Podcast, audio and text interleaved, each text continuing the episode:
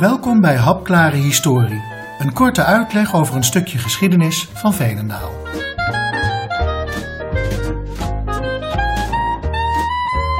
Deze lezing gaat over de eenwording van Veenendaal in 1960.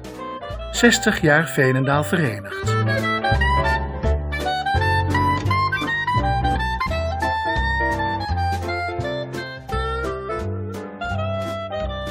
Dit jaar had het jaar van Veenendaal verenigd moeten worden. Een grootse herdenking van het feit dat 60 jaar geleden de verschillende delen van Veenendaal in Utrecht en Gelderland samengevoegd werden. Op 30 oktober wordt er op de Dag van de Geschiedenis in de Cultuurfabriek alsnog aandacht besteed aan dit feit. Hoe kan het dat Veenendaal vroeger in twee provincies lag? Om dat te begrijpen gaan we een stukje terug in de tijd. In 1473 is de Utrechtse bisschop David van Bourgondië eigenaar van de Renense Venen, een veengebied dat, zoals de naam al aangeeft, bij Renen ligt. Dit veengebied is echter veel groter. Het strekt zich heel ver uit. Zo heb je ook bijvoorbeeld de Edervenen en de Manervenen. Die liggen in het hertogdom Gelre. Bisschop David ziet wel brood in het afgraven van het veengebied, want gedroogd veen of turf is in die dagen een belangrijke brandstof. Eerst moet er een kanaal gegraven worden om het gebied bereikbaar te maken en het turf te laten drogen. Het meest geschikte loop voor dit kanaal is wel gedeeltelijk langs de grens met Gelre. De bisschop komt persoonlijk langs om te kijken of de arbeiders die het kanaal moeten graven de grens wel respecteren. Ze weten hem te vertellen dat ze die bij lange na niet raken. Het kanaal ligt echt wel een paar meter van de grens af. Ver komt de bisschop niet met de vervening. Na een paar jaar raakt hij weer in oorlog met Gelre en wordt het werk in de Renense venen te gevaarlijk. Bisschop David overlijdt en het verveningsproject wordt lange tijd vergeten. In de loop van de tijd komen steeds meer van de lage landen, waar ook Utrecht en Gelre bij horen, in het bezit van het Habsburgse Rijk, die in het midden van de 16e eeuw geleid wordt door keizer Karel V. In 1528 geeft Utrecht zich over en in 1543 verovert hij als laatste ook het hertogdom Gelre. Dat zorgt voor genoeg rust en stabiliteit in de lage landen, zodat het verveningsproject weer opgepakt kan worden. Het veengebied, de Renense Venen, heeft inmiddels meerdere eigenaars. Samen richten ze een veencompagnie op en vragen bij de keizer een octrooi aan om het gebied te mogen ontginnen. Het oude kanaal van bisschop David wordt weer uitgegraven en krijgt de naam Bisschop Davids Grift. De grens met Gelre bestaat nog steeds, maar die is nu een paar meter opgeschoven, want de Veencompagnie gaat uit van de Grift zelf als grens. Rond de ontginning van het veengebied ontstaat het dorp Veenendaal, zowel op Utrechts of Stichts grondgebied, zoals het dan genoemd wordt, als op Gelders. De gewesten hebben een zekere mate van zelfstandigheid in het grote rijk waardoor de grens soms voor wonderlijke situaties zorgt. Bijvoorbeeld, misdadigers die voor straf verbannen worden van het Stichtse grondgebied, hoeven alleen maar de grift over te steken om gewoon weer verder te kunnen gaan met hun leven. Het dorp groeit en de grift, die gedeeltelijk de grens tussen Stichts en Gelders vormt, komt steeds meer midden in Venendaal te liggen. Daarbij moet je dan niet denken aan de huidige grift door het centrum, want dat is een omleidingskanaal uit latere jaren. Oorspronkelijk volgde de grift de loop van de Valleistraat en het Verlaat, om dan op het Zwaaiplein af te buigen naar de Zandstraat. Op de Valleistraat en het Verlaat was de ene kant Stichts, de andere kant Gelders. Op het Zwaaiplein gaan de grift en de grens dan uit elkaar en de grens loopt dan via de nieuwe weg verder. Als je nou weer eens over het Zwaaiplein loopt, moet je even naar beneden kijken naar de blauwe steentjes die in de bestrating zijn aangebracht. Die blauwe steentjes markeren de oude grens. En zo ontstond er dus een Stichtsveenendaal, dat lange tijd bij Renen hoorde, en een Geldersveenendaal, dat bij Ede hoorde. En dan was er rond de Nieuwe Weg ook nog een heel stuk dat bij Renswoude hoorde. Al met al een behoorlijk ingewikkelde situatie dus. Tijdens de Franse tijd van 1795 tot 1815 worden de eerste pogingen gedaan om deze situatie op te lossen.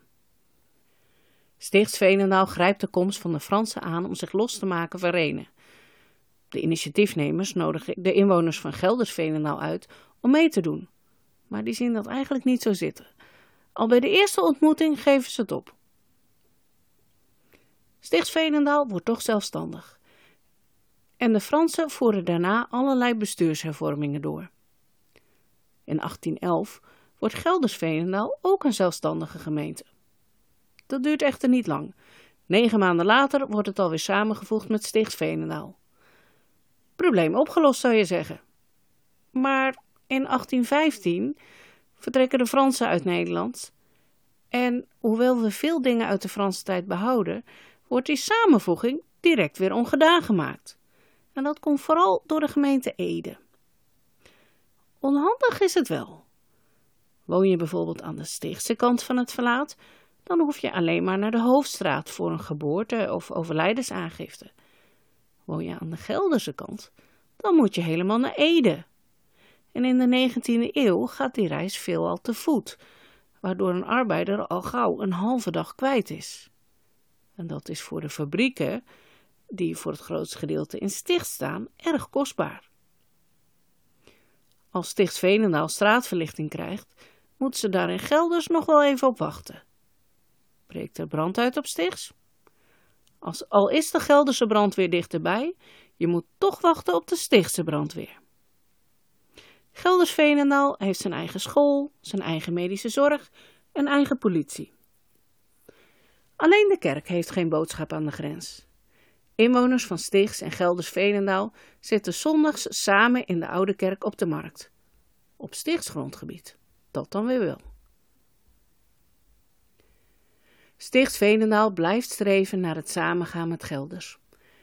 In 1819 gaat er een verzoekschrift naar de regering om dit te bewerkstelligen, maar het haalt niets uit.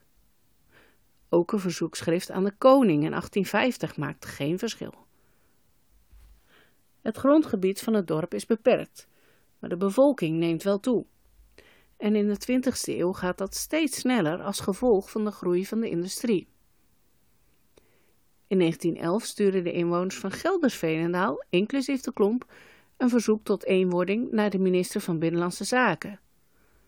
Maar nu is Stichts Veenendaal echter tegen.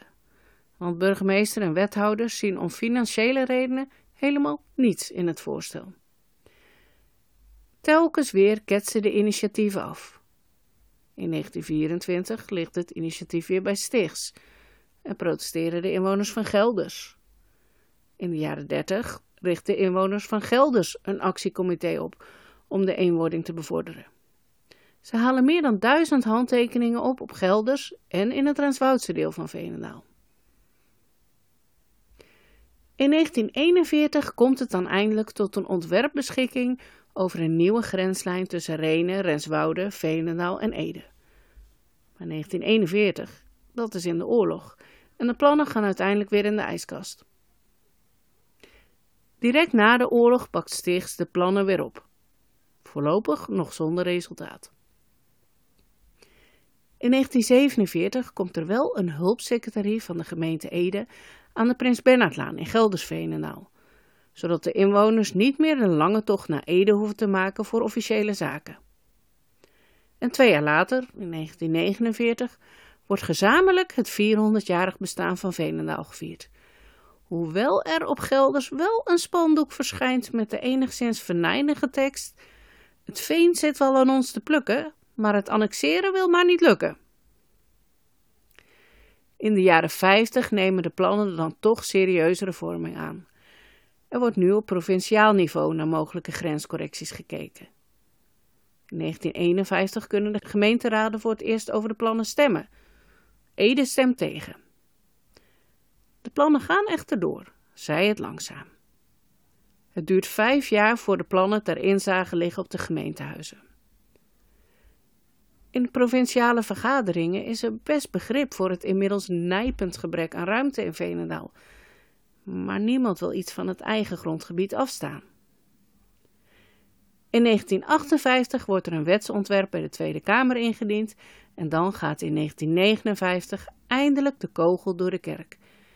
Per 1 januari 1960 zullen Stichts en Gelders Veenendaal samengaan en ontstaat er een nieuwe gemeente met ruim 23.000 inwoners. Voor het zover is, moet er eerst een nieuwe gemeenteraad gekozen worden, omdat die groter wordt, omdat het aantal inwoners ook groter wordt. Op 31 december neemt het personeel van gemeentewerken Ede op gepaste wijze afscheid van Gelders Veenendaal. Ze rijden door de straten om zand te strooien en de gemeentevlag van Ede hangt halfstok op de auto. De volgende dag, op 1 januari 1960, valt er bij alle voormalige inwoners van Gelders een brief op de mat waarin burgemeester Bakker hen welkom heet in de gemeente Veenendaal.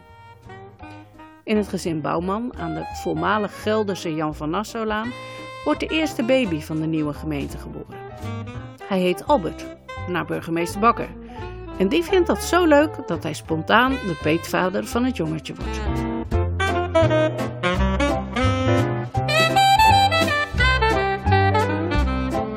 Bedankt voor het luisteren. Wil je meer ontdekken over de geschiedenis van Veenendaal? Ga naar gemeentearchief.veenendaal.nl